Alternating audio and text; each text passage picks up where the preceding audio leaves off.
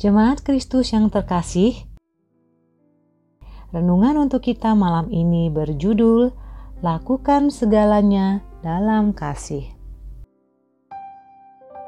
Dan bacaan kita diambil dari kitab 1 Korintus 13 ayat 1 sampai 3. Beginilah firman Tuhan. Sekalipun aku dapat berkata-kata dengan semua bahasa manusia dan bahasa malaikat, tetapi jika aku tidak mempunyai kasih, aku sama dengan gong yang berkumandang dan canang yang gemerincing.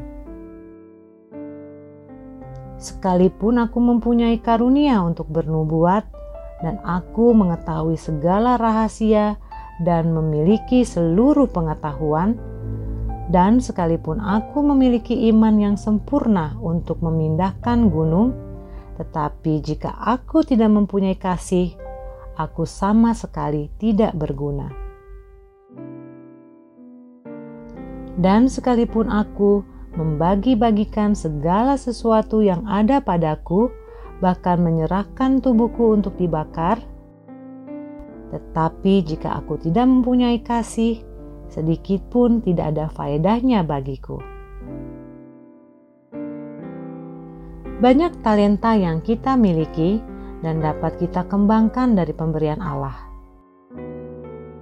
Segala talenta tersebut tentu menjadi sebuah hal yang patut untuk disyukuri dan dimanfaatkan sedemikian rupa untuk kemuliaan Allah. Hanya saja, Ketika kita memiliki banyak talenta tersebut, ada hal yang membuat kita berpotensi menjadi pribadi yang angkuh dan merasa lebih baik dari yang lain,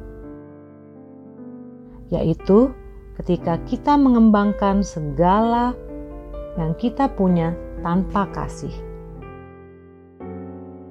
Kita melakukan segala sesuatu bukan untuk membagikan kasih dan memuliakan Allah, tetapi untuk kebutuhan aktualisasi diri kita sendiri. Marilah kita mengingat lagi apakah segala yang kita lakukan berdasarkan kasih Allah yang kita terima, atau kita mencari penghargaan untuk diri sendiri dan ingin memenuhi kebutuhan untuk disanjung dan dipuji. Malam ini kita diingatkan bahwa kasih adalah hal paling penting dalam setiap karya pekerjaan dan pelayanan kita. Dengan memiliki kasih dalam setiap bagian tindakan kita, maka hal itu akan berdampak besar.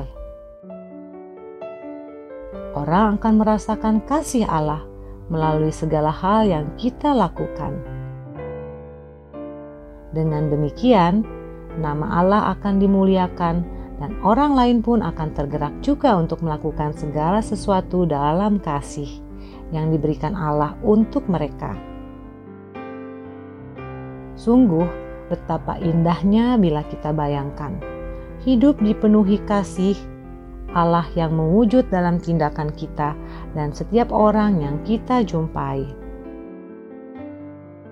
Roh Kudus akan senantiasa menolong kita agar segala hal yang kita lakukan berdasarkan kasih Allah.